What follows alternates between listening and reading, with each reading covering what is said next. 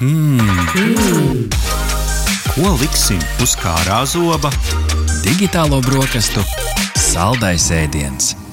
Labrīt, klausītāji! Sveicam jūs atpakaļ pie digitālo brokastu galda. Konsultāciju uzņēmumi paredz, ka līdz 2040. gadam 95% no pirkumiem tiks izdarīti e-veikalos. Arī pandēmija, protams, ir likusi zinām pamatu un likusi arvien vairāk uzņēmumiem domāt par savu pakalpojumu un preču tirdzniecību internetā. Nu, droši vien jau ir salīdzinoši maz uzņēmumu, kur to turpina darīt uh, tikai parastajā veidā. Nu, šodien runāsim par to, kā e-komercija ir mainījusi mūsu ikdienas dzīvi, kādi ir tās izaicinājumi un iespējas, un kā, starp citu, arī mākslīgais intelekts un tehnoloģija tehnoloģiju attīstība kopumā var palīdzēt uzlabot e-komercijas pakalpojumus un pieredzi. Un par to visu sīkāk maicāsim mēs šodien mūsu viesim uh, Ričardam Roziņam no HTT Pūmeta. Uh, sveiks! Labrīt, labrīt! Jā, mums tā auditorija ļoti daudz un dažāda. Pašos uh, sākumos, kā labā referātā, ievada daļa par terminiem uh, e-komercija. Kā tu vienkāršiem vārdiem izskaidrotu, lai visi saprotu, par ko tad ir šodienas raidījums? Nu, burtiņš E principā, nozīmē internets, un komercija ir pārdošana. Jā. Tad, tad viss, ko mēs varam pārdot internetā. Tā vienkārši vārdiem sakot. Pilnīgi, pilnīgi viss tās ir dažādas tās izpausmes. Tie ir gan e-veikali, gan jau vai ne. Tā ir tirzniecība, tā skaitā arī jau arī sociālo tīklu platformās, kur tās iespējas attīstīt tālāk. Ir vēl kādi tādi praktiskie piemēri? Nu, principā, jebkura veida platforma, kur to nodrošina, tie pārdošanas veidi ir dažādi. Jā, mēs pirms ētera runājam, jā, tā tad ir afiliēti šie linki un pārdošana netieši, jā, un tā termina kā dropships un visi šie sarežģītie termini, kurus mēs nepieminēsim tagad, bet uh, tās platformas ir daudz un dažādas, un tie veidi ir dažādi. Visaptvaroša e-komercija tātad ir pārdošana caur šo internetu iespēju, noteiksim tā. Mm -hmm. uh, Iepriekš aptaujas un pētījumi rādīja, ka cilvēki arvien biežāk izvēlas iepirkties internetā, nu, īpaši kopš Covid-19 pandēmijas. Tad jautājums, vai šī tendence turpina kaut kā augt, vai ir iestājusies kaut kāda plato fāze Latvijā, pasaulē? Kā, kāda ir tā situācija? Jā, nu var nokomentēt globāli, kas noteikti atbalstos arī uz Latviju. Latviju ka pirms Covid ēras ja, mēs dzīvojam mierīgu dzīvi ar tādu stabilu izaugsmu. Ja, šajā. Bet Covid laikā bija eksponenciāla izaugsme, tāpēc ka tas bija ērti, tas bija pieejami. Daudz cilvēku nevarēja tikt uz veikaliem. Ja, un, un, nu, un arī nedrīkstēja. Un nedrīkstēja tieši tā. Un tad šobrīd mēs atkal esam nonākuši tajā mērenajā fāzē, bet ja mēs salīdzinām to ar citām industrijām, nu, tad tas tomēr ir strauji. Tik, tā cilvēki turpina aizvien ērtāk izvēlēties šos mhm. e-komercijas mhm. piedāvājumus. Ko, ko tu teiktu, ko mēs esam paņēmuši labu no tā Covid laika? Jo nu, mēs atgriežamies mērenā fāzē, varbūt tie pieredumi atkal atgriežas plus mīnus vecajās sliedēs, bet nu, gan jau ka ir tas sausais atlikums, ja mēs tā izsījājam, kas ir palicis pozitīvs no tā Covid laika, ko e-komercija ir paņēmusi un kas ir uz palikšanu. Es domāju, ka cilvēki gribot, negribot, mazliet daži piespiesti apskatīties tās inovācijas, viņas izvērtēt un arī palikt pie viņām. Ja, un vairs nebaidīties no tā, ka es vairs neeju uz veikalu. Pie manis atbrauc kurjeris, atved man preces no lielveikala. Es principā esmu apmierināts ar to, ko man ir. Es neesmu iztērējis savus trīs stundas, braucot degvielu un vispārējo, jā, un, un cilvēki ir pieraduši pie tā vairāk. Mm -hmm, tā paraduma maiņa patiešām būtiski bijusi. Ja mēs paskatāmies atkal no tirgotāja puses, kāda ir tā Latvijas e-komercijas scēna, ja tā var izteikties, tur vairāk dominē mazie mākslinieki un mazie ražotāji, vai tomēr tur lielie, lielie tir, tir, vairum, nu, vairumtirgotāji vai mazumtirgotāji dominē? Kā, kā tu izstāsti? Uh, nu, es neminēšu konkrēts uh, vārds, ja, bet nu, lielākoties tas, ko es redzu no savas ikdienas, ja, ir tomēr, ka lielie dominē vairāk, taču mūsu HTT pūļu izpratnē mēs redzam arī ļoti daudz šos eksportētājus. Un nevienmēr tie, kas ir Latvijā spēcīgi eksportētāji, vispār uztvers Latviju mm -hmm. kā mhm. tādu tirgu, kas viņam ir interesants. Līdz ar to tas, ko mēs redzam, ir, ka šīs visas lielās platformas, gan uh, manā skatījumā, tad Latvijā nu, principā dominē pāri šiem maziem tīri dēļ tā apjoma, kurus viņi nodrošina. Mm -hmm. Kurā brīdī e-komercijā to iegūst birku eksportētājs. No vienas puses jau viss, kas ir internetā, ir pieejams gan arī jebkuram. Tas ir vairāk filozofisks jautājums. Tas, tas ir brīdis, kad, eh, kad tu sāc ieguldīties reklāmās vairāk uz ārzemju tirgiem, kad tu sāc eh, lokalizēt tos eh, e-veikalus, tā skaitā valodā un, un saturā. Nu, tehniski, ja mēs nu, tehniski paskatāmies, ja eksportētājs to nopārdevis vienu preci, acīm redzot, kādā citā valstī ārpus Latvijas. Ja. Bet, ja mēs tādā nu, labā izpratnē to saprotam, tad nu, principā tu lielāku daļu pārdod ārpus Latvijas nekā lokāli. Mm -hmm. nu, tāda būtu mana okay. definīcija. Uh, un, ja mēs paskatāmies uz to sprādzienu pēc uh, Covid ēras vai Covid ēras laikā, tad uh, nu, Arts jau prasīja par tām, par tām atziņām, varbūt uh, priekš cilvēkiem, bet teiksim, kā, kāds ir uzņēmumiem, kas varbūt ir bijušas tās atziņas, uh, problēmas, izaicinājumi, ar kuriem ir tiks galā, varbūt kaut kādi jauni pavērsieni, ko mēs esam uh, ieviesuši tieši pēc pandēmijas šajā periodā, tajā attīstības procesā. Diezgan daudzi risinājumi ir tikuši pieņemti kā trešo pakalpojumu puse. Tātad mhm. kurjeri, um, pilna piegādes nodrošināšana. Pirms tam nu, vairāk vai mazāk norisinājās maziem internetu veikaliņiem mm. pašiem. Viņiem bija busiņi vai mašīnas, viņi piegādāja. Tagad šobrīd šī piegādes ķēde ir nodrošināta tādā veidā, un tāpat laikā arī maksājumu. Uh, nodrošinātāji, provideri, tad ir, mhm. ir pieņemt vairāk šajos risinājumos. Okay. Mazāk mēģinam paši ar visu tik galā, bet iepērkam profesionāļus. Nu, mēs redzam, ka, ka nu, nepavēl 10,000 stundu likums, jā, kurā mhm. jākļūst profesionālim, ir cilvēki, ja risinājumi, kas to zina. Mm -hmm. Kāpēc izgudrot pašam riteni no jauna? Nu, jā, gal galā tas pakamā tīkls, man liekas, ar pēdējos gados ir izaudzis daudz, daudz lielāks, vai ne kaut kā runājot par to piegādi. Mēs nedēļas sākumā LSM.CLV Instagram kontā jums, eh, klausītāji, sekotāji, vaicājām jautājumu saistībā ar aizdītās nedēļas ziņām un šīs nedēļas aktuālo tēmu tieši konkrēti par e-komerciju. Tāds varbūt arī nedaudz filozofisks jautājums, bet tomēr vai mūsdienās labs interneta veikals tev spēj pilnībā aizvietot veikala apmeklējumu klātienē?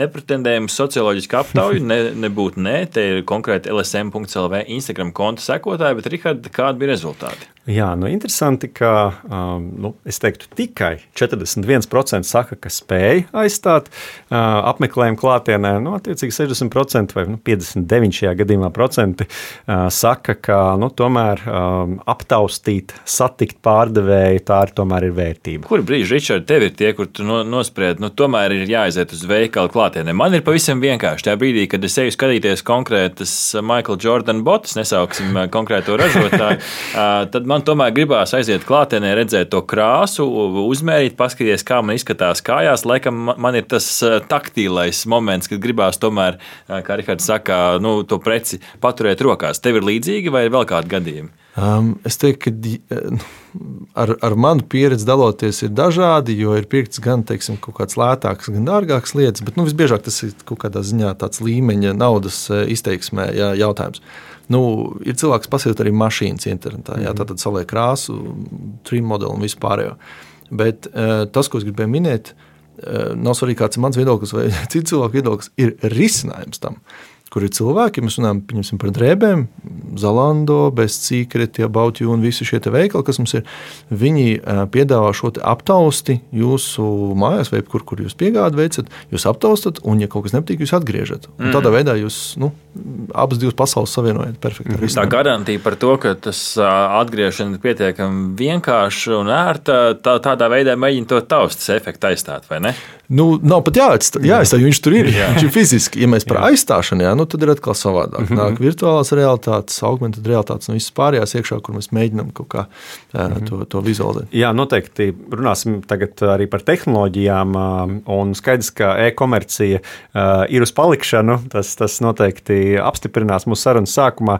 Bet jā, varbūt tad arī uzreiz turpinam tātad par šiem tehnoloģiskiem risinājumiem. Jau pieminēju šo mākslīgo, šo virtuālo realitāti, papildinājumu papildināto realitāti.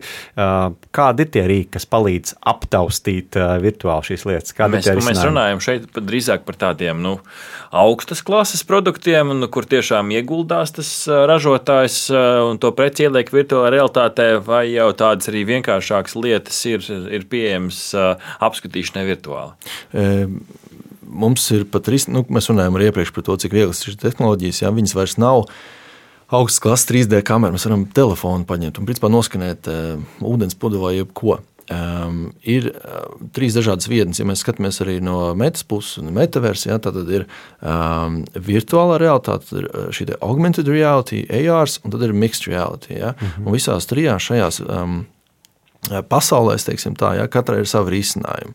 Latvijā arī ir, citu, ļo, ir ļoti daudz jaudīgu cilvēku un ļoti daudz jaudīgu uzņēmumu, kas jau rīkojas ar šīm te tehnoloģijām. Ja, viņi risina tieši šo, ka mēs spēsim drīzumā principā, ieraudzīt nu, maka dziļumam nav jābūt biezam, lai uzliktu savu produktu virtuālajā realitātē, augstā kvalitātē. Mēs viņu nu, drīz pēc patrasināsim jau telefonu iespējams.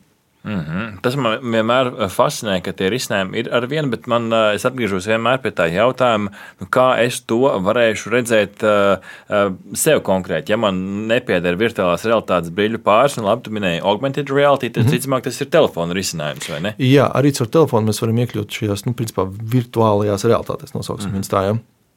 Uh, ir reāli piemēri, ja mēs varam nopirkt jau šobrīd, nemaldos, Prāda, Gucci un šī lielie um, brendi. Um, viņi jau ir šajās virtuālajās realitātēs, kur principā mēs ar telefonu varam veikt šo. Bet atkal, telefonu lai būtu ērti, vajag, eh, nu, principā, lai būtu ērti, vajag tādu normālu headsetu. -hmm. uh, no metas puses tas ir tātad um, savs brīvs. Un, um, no telefona tehniski mēs varam to darīt nu, vienkārši ar rokām, bet varam arī burtiski kartonu kastīt nopirkt. Uzlikt tāds priekšā, viņš pielāgojas. Man šķiet, ka te ir eh, arī daudz labi risinājumi, par kuriem mēs, mēs esam stāstījuši digitālajās brokastīs. Viens arī konkrēts eh, mēbeļu ražotājs, neminēsim konkrēti, bet arī ir izstrādājis šādu risinājumu, kur tu nobildē savu dzīvojamo istabu un tad uh, atpazīst attēlā, kas ir redzams, un mm -hmm. tur tad tu vari ielikt to mēbeli, pagrozīt, paskatīties plus mīnus vai pirmkārt ielienu un kā vispār izskatās izskatās kopējā dizainā. Okay, tā tad, principā, ir skaidrs, ka iespēja aptaustīt, saprast, kā izskatās uz uh, auguma, ja tā var teikt, vai arī manas mājas dizainā, tur risinājumi ir. Um, Šobrīd ļoti aktuāls vārds uh, mūsu raidījumā, un, uh, gan Latvijā, gan pasaulē kopumā ir mākslīgais intelekts. Kā tas maina šobrīd e-komercijas nozari pasaulē un kādas vēsmas mēs jau sākam just pie sevis šeit Latvijā? Tad jautājums, kā maina ja, un kādas vēsmas. Mm -hmm. nu, pirmkārt, es gribētu pateikt, ka tas ir protams, mans viedoklis, bet es uzskatu, ka mēs vēl neesam mākslīgā intelekta horizontā. Ja. Mm -hmm. Tā visa joprojām ir mašīna mācīšanās. Mm -hmm. Ir tāds termins kā generative AI, ja, un tas būs tas brīdis, kur principā šis intelekts ir spējīgs domāt pats par sevi. Šobrīd viņš atkārto visus datu setus, kas ir no miljoniem datu punktu pieejami. Ja, viņš spēj jau kaut ko analizēt. Ir tehnoloģijas, kas ir attīstījušās neticami tālu ir tehnoloģija, kurā spēja um, savienojumā ar ChatGPT, Midjourney un visiem pārējiem salikumā apskatīt video un analizēt viņu un nolasīt cilvēku emocijas. Cilvēku emocijas nolasīt, tas ir kaut kas fenomenāli grūti izdarāms, bet mēs jau esam tik tālu tikuši. Tātad, atgriežoties pie jautājuma, cik tālu uh, mēs esam un kādas esmas Latvijā, nu, principā viņas tepat jau ir. Uh, mm -hmm. Mēs esam ļoti tālu tikuši, bet, um, nu, kā minēju, nav viegli to redzēt savā ikdienas dzīvē vēl, ja? bet mēs esam nu, burtiski mm -hmm. pirms tā, pirms tā viļņa. Un, un, tas ir ļoti interesanti. Iespējams, ka mēs to neredzam, bet uzņēmumi, kas ar mums sazinās, to izmanto. Piemēram, Latvijā arī ir uzņēmums, kurš uh, spēj nodrošināt servisu, ka tiek analizēta klienta balss, ja notiek sazvans, un arī var analizēt emocijas, kurā brīdī kāds ir dusmīgs, priecīgs. Tā kā iespējams, ka jūs sazināties ar uh, kādu klientu apkalpošanas servisu, arī jūsu balss tiek analizēta, un pēc tam uh, kāds domā, vai tā saruna virzījās pareizā gultnē vai nē. Šeit man ir tāds interesants aspekts, par ko es nesen arī klausījos vēl citu ekspertu, ekspertu sarunas. Ir, nu, ja mēs konkrēti runājam par chat GPT un līdzīgiem risinājumiem, nu, viens ir, ka tu paprasti uh, apkopot tekstu un kaut ko izdot, veidot kādu faktu, uh, nezinu, tur, kurš ir ātrākais zīdītājs uz pasaules kaut vai, uh, bet tad ir cits eh, aspekts, eh, kas tiešā veidā sastāstās ar e-komerciju, ir, nu, kā, kā mēs klasiski darām. Protams, ideāli mēs noklausāmies digitālās brokastis, un tur mums eh, izstāsta par visādiem gadgetiem un tam līdzīgi, bet, ja tu neklausies podkāstu, nu, ko tu dari? Tu ienāc meklēšanas, meklēšanas sistēmā, tu ieraksti meklētājā, un nu, klasiski nu, tev izlaiž kaut kādi rezultāti. Kas ir labākais televizors, piemēram, Ziemassvētku laikā vienmēr ir akcija, kas ir labākais televizors. Un tad tev, nu, klasiski Google uh, risinājumā, nu, tev ir kaut kādas atbildes, kaut kādi saraksti raksti un topi.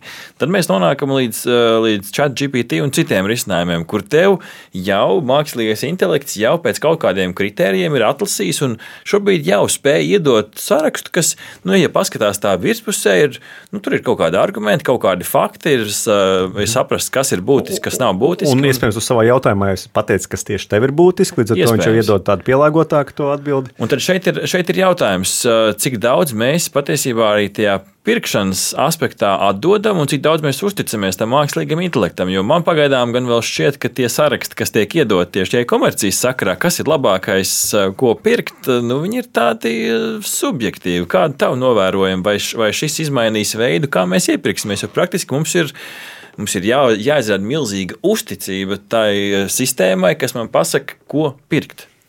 Es pilnībā piekrītu. Šobrīd viņi ļoti subjektīvi. Ja mēs no tāda aspekta skatāmies, tad joprojām ir ļoti laba iespēja ražot rakstus un rankoties dažādās vietnēs. Jā, tu uzliec augstāk, tu, tu panesies. Ir, jā, hikes, ir, ir iespēja mākslīgi panākt, ka tu esi augstāk sarakstos, līdzīgi kāds ir bijis iepriekš. Jā, jā, kā jūs Instagram balsojumā, jā, nu, nerādiet vienam rezultātus un pasakiet, ko jūs gribat. nu, principā, jā, nu, tā, tad, protams, viss var safabricēt, lai mēs beigās izvirzītu šo produktu uz priekšu. Bet tāpat laikā nu, mazliet pieskaroties tādai tēmai kā, kā tracking, jeb datu punkti. Ja. Izsekošana, vai ne? Nu, nesauksim to tā, bet jā, pieņemsim. Jā. Mūsu ikdienā ir ļoti bieži brīži, kurā mēs pat, nu, kā lai pasakā, pilnīgi zemapziņā padomājam par kaut kādu produktu vai kaut kādu lietu, jo, vai, vai izsakām viņu skaļi vai nē.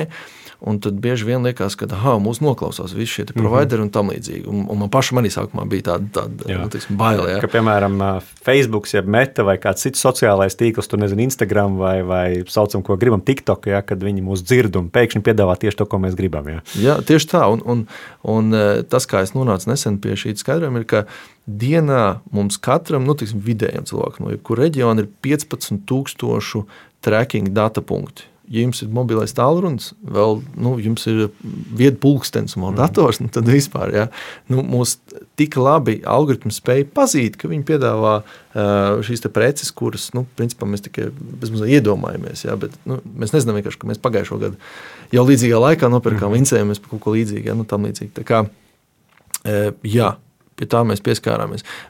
Viena no iepriekšējiem punktiem, ko es arī gribēju pieminēt par tiem risinājumiem, ja, par lokalizāciju ir uz doto brīdi arī izmantojot ChatGPT un visus šos AI solutionus, jeb risinājumus, tad, tad uh, ir pieejams izstāstīt, jūs esat uzņēmums, kurš vēl neeksportē, un lai jūs ieguldītos mājaslapas tulkošanā, lokalizācijā un vēl, nedod Dievs, suportā lokāli cilvēkiem, kuru valodā jūs nerunājat, jā, kas izmaksā diezgan dārgi kādu noalgot, tad ir risinājumi, kuri reālajā laikā mēs divi tā runājam, dažādās mm -hmm. valodās, bet viņi tulko pretī jau īstajā valodā. Tas notiek ļoti ātri, ja tas, nav, nu, tas tā plūstoši. Mm -hmm. Tā kā šādi risinājumi ļoti, ļoti attīstās. Mm -hmm. Pavisam nesen vēl uh, kursoru portālā arī bija raksts uh, uh, par to, ka Amazon arī ar mākslīgā intelekta palīdzību plāno veikt lielas pārmaiņas, un konkrēti tur ir stāsts par to, ka mēs ievadam meklēšanas lodziņā kādu no precēm. Nu, mēs runājam par lieliem platformām Amazon, AliExpress, gan jau eBay to pašu līdzīgi arī darīs. Tu ievadi šo konkrēto vajadzību un tev izmet ārā kaut kādus rezultātus. Un arī šeit izskatās, ka tas, ko mēs runājām par to, ka mākslīgais intelekts piedāvā kaut kādus pielāgotus risinājumus, šeit izskatās, ka mākslīgais intelekts analizēs tava kā klienta kaut kādus paradumus, lokālo viņa atrašanās vietu un tam līdzīgi, un sāks dot ārā atšķirīgus eh, meklēšanas rezultātus. Tas ir labi, tavuprāt, vai tas ir slikti? Jo es tur saskatu tādu risku, ka vienā brīdī mākslīgais intelekts būs gudrāks nekā es patiesībā gribu. Nu, te ir jautājums, ko mēs gribam, jā, ko mēs gribam, ko mēs negribam. Um, ir Protams, risks šajā tehnoloģijā viņš vienmēr ir. Um, es varu arī pastāstīt par, par netik labām pieredzēm. Ja. E, tā tad bija. Tā, protams, Amerika, jā, bet tad, ja mēs ierakstām kāda cilvēka balsi pietiekamas stundas vai pat minūtes, mm -hmm. nu jau, tad mēs spējam viņu replicēt telefonu sarunā tā, ka nu, principā viņi neatšķirās. Un bija reāls gadījums, kurā zvana cilvēks ar šo AI ja fabricēto balsi savam radiniekam un saka, hei, um, tas un tas, vai viņš pats ir iekļuvis avārijā. Mm. Atsūta lūdzu naudu uz tādu, tādu kontu vai kaut kā tamlīdzīga. Man liels emergency, lūdzu, atsūta naudu. Un pēc tam, protams, cilvēks kaut kā attiedzās, nolika to klausuli, neko nesūtīja, un pēc tam pazvanīja tam cilvēkam uz, uz telefona numuru ja, īsto. Uh, un tas, īstais radinieks, protams, saka, ka nekas tāds nav noticis. Un tad iedomājieties to morālu situāciju, ja, kad um, ar šīm te tehnoloģijām, protams, Tas ir bīstami, var tālu noiet, bet nu, tā mēs nekad neizvairīsimies. Ja? Nu, ja mēs skatāmies no laba aspekta, tad, manuprāt, ir forši, ka mūsu dzīves atlīdzinoši kļūst vieglāk. Mēs dienā varam izdarīt 3500 labus lēmumus.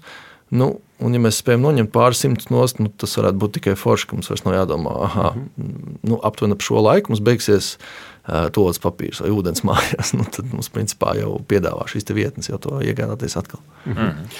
Um, Jā, mākslīgais intelekts attīstās, droši vien neaizējām pilnīgi no tās tēmas, bet uh, varbūt paskatīsimies uz vēl kaut kādām tehnoloģiju ietekmēm uz uh, e-komerciju. Uh, nu, piemēram, um, tracking jau pieminējām, sociālai tīkli. Vai tie vēl projām būs tikpat aktuāli, ņemot vērā jau ar pieminētos iespējas meklēt gudrāk, nu, nu, pēdiņās varbūt pat gudrāk, vai, vai tomēr tur uz sociālajiem tīkliem varētu samazināties kaut kāda viņu, viņu, viņu klātbūtne vai nozīme tajā e-komercijas aspektā? Es domāju, ka ļoti svarīgi, kā šie uzņēmumi, kā šīs platformas ies līdz laikam. Mm -hmm. ja. Katrai platformai ir vairāk vai mazāk savs fokus. Nu, piemēram, Facebook tas ir vairāk ģimenes draugi, Instagram tas ir bildes un skaties, mm -hmm. kādi man ceļojumi. TikToks ir atkal īsā formāta video, ja vairāk, un, tad, un tā tālāk. Un Twitter ir nu, tāda publiskā bļaustīšanās, mm -hmm. kur mēs varam izteikt savu viedokli un tam līdzīgi. Um, Metas gadījumā met iet uz metaversu. -hmm. jā, ja mēs runājam par, par tādām tehnoloģijām, un, e, tur būtu ne tik ļoti tas AI aspekts, jā, bet nu, tā ir arī tehnoloģija, kas ir uh, virtuālā realitāte, ir pavisam citā aspektā. Uh, ja par uh, šo mākslīgo intelektu, nu, tad tieši tādā pašā aspektā daudzas platformas šim pieskarās. Gan Google ir pateicis, ka viņi, viņu mērķis ir nu, kļūt numur viens jā, ar šo tehnoloģiju. Um, un, un, nu, kurš pirmais brauc uz pirmais maļa, tam ir lielāka svīra. Un, nu, principā uz to visu arī iet. Mhm. -huh. Vēl viena interesanta nianses, kas izskanēja arī kaut kur ziņu virsrakstos, ir par to, ka Google lēnām iet projām no third party cookies, jeb trešo pušu, nu, sauksim, latviešu cepumiņi. Trešajā pušu cepumiņi ir šie dati, nu, datu vienība, ko tavā ierīcē atstāja kādas citas puses. Nu, tīmekļa lapa, sauksim to tā. Un saprotu, ka Firefoxam jau šobrīd šis tiek izslēgts, Safari arī iet uz to, un nu, daudz no e-komercijas pasaules arī prognozē, ka līdz ar Google šo lēmumu arī izslēgt third party cookies, ka praktiski nu, tas varētu nozīmēt milzīgas pārmaiņas e-komercijā. Mm. Vai tas ir arī jūsu darba ikdienā kaut kur figurējis līdz šim, un cik būtiski ir šī pārmaiņa? Tāpat vesels ēras beigas, beigas iespējams. Es domāju, ka mēs aizvien biežāk pieredzam ēras beigas, nevis sākumu. Ne? uh, bet ar uh, Cookie-less data, jā, um, ir tā, ka burtiski nesen mēs šim pieskārāmies. Tiemžēl neatsaukšu atmiņā, bet ir vairāk risinājumu, kā teiksim, apiet šo vai papildus notrekot šos datu punktus, ja, pieskaroties. Um, arī šo Google ziņojumu, kurā principā kukīlēs ies, ja, principā, uh, tas skars vienu tādu tehnisku aspektu, bet jau ir atrasta veidi, kā šo apiet un, un pilnvērtīgi um, notrakot tātad, uh, šos pircējus. Tad, tad joprojām kaut kāda risinājuma būs. Vienkārši šis konkrētais risinājums mhm. varētu, varētu izpalikt. Mm -hmm. Jā, tas radīs milzīgu vilni, protams, bet mm -hmm. uh, vienmēr ir šie veidi, kā. kā Un tas arī savā ziņā nozīmē tādas pārmaiņas arī e-veikaliem, jo vajadzēs gan jau nedaudz pārstrādāt arī kaut kādas savas pieejas. Jā, noteikti. Nu, lokalizācija visiem būs mm -hmm. nepieciešama tādā ziņā, ka savu datu trackings un tam līdzīgi, bet šie third party tools tik un tā būs ļoti labi un, un ļoti spējīgi. Es ticu, ka kāds eh, tiks ar nu, principā, visu galā, kas nāks. Tojoties sarunas noslēgumam, varbūt ieskatāmies nākotnē un paskatāmies, kādas tendences e-komercijas lauciņā varam sagaidīt tuvākā, varbūt tālākā nākotnē. Varbūt ir kaut kas, kas jau teiksim, ASV vai Rietumē Eiropā notiek, un tas pie mums ienāks. Un, nezinu, piemēram, pats viņas piegādās dronu, nevis būs jāiet uz pakumātu, kā tas liekas, Austrālijā notiek un vēl šur tur. Um, jā, tad varbūt kas ir tās tendences? Eh, tendence, viena tāda globāla tendence, ko es varu ne tik ļoti neikt tehnoloģija aspektu, bet tas, ko mēs redzam ar metu ikdienā, ja mēs paskatāmies šobrīd, ir laiks, kurā ir viss dārgākais trafiks, jeb apmeklējums, kāds jebkad ir bijis. Un tādā pat laikā viņš ir lētākais, kāds jebkad būs. Tādēļ jauniem veikaliem dzimt ir salīdzinoši dārgāk, bet tehnoloģiski vienkāršāk. Varbūt var vēlreiz izskaidrot, kāpēc tas, kāpēc tas nu, trafiks, kā tu teici, tas apmeklējums ir tik dārgs šobrīd. E, nu, jo vairāk cilvēku nonāk šajās mm -hmm. platformās, jo vairāk cilvēku izmanto internetu. Uz doto mm -hmm. brīdi mēs esam 7, nu jau 8 mm -hmm. miljardi cilvēku, bet aptuveni trešdaļa vēl joprojām neiz, nav pieeja pie interneta. Ja? Okay. Un, reģioni kā Āzija un Āfrika ļoti strauji vēl projām attīstās. Tā skaitā ar Starlink un citām līdzīgām tehnoloģijām tā iespēja būs, un attiecīgi tas, kā saka, to slodzi palielinās. Skaidrs, ok, labi, tā ir viena tendence, varbūt vēl kāda būtiska tendence. Nu jā, tad pieminēja gan šos dronus un robotus. Nu, mūsu kaimiņi Igauni piegādā precīzi mm -hmm. jau ar robotiem, jā. principā par droniem tik ļoti neesmu dzirdējis Baltijas valstīs. Bet, nu, nu, mūsu pašu aerons. Ja? Mm -hmm. uh, nu, es pieļauju, ka viņiem varbūt tas fokus nav uz preču piegādi, bet nu, tie droni arī lokāli mēs ražojam ļoti labus. Kā, nu, es noteikti domāju, ka šī te tehnoloģija arī drīz būs e-komercijā pieejama piegādē. Mm -hmm. Lieliski. Nu, esam ieskatījušies gan nākotnē, gan arī sapratuši, kāda situācija ir šobrīd. Un skaidrs, ka e-komercijas nozare ir konstantā pārmaiņu procesā, un nu, tas ir saistīts ar to, ka tehnoloģijas attīstās ļoti strauji. Paldies Ričardam Rozņiem par to, ka ļāva ieskatīties mums šajā e-komercijas nozarē. Jā, Ričards Roziņš, HTT Pool meta vadītājs Latvijā. Paldies! Paldies. Aha! Paldies, ka noklausījāties mūsu līdz galam! Ja patika, uzspiediet like, atstājiet komentāru vai padalieties ar draugiem. Un nobaudiet arī citas epizodes, kā arī sekot mums, lai nepalaistu garām savu ikdienas tehnoloģiju ziņu devumu.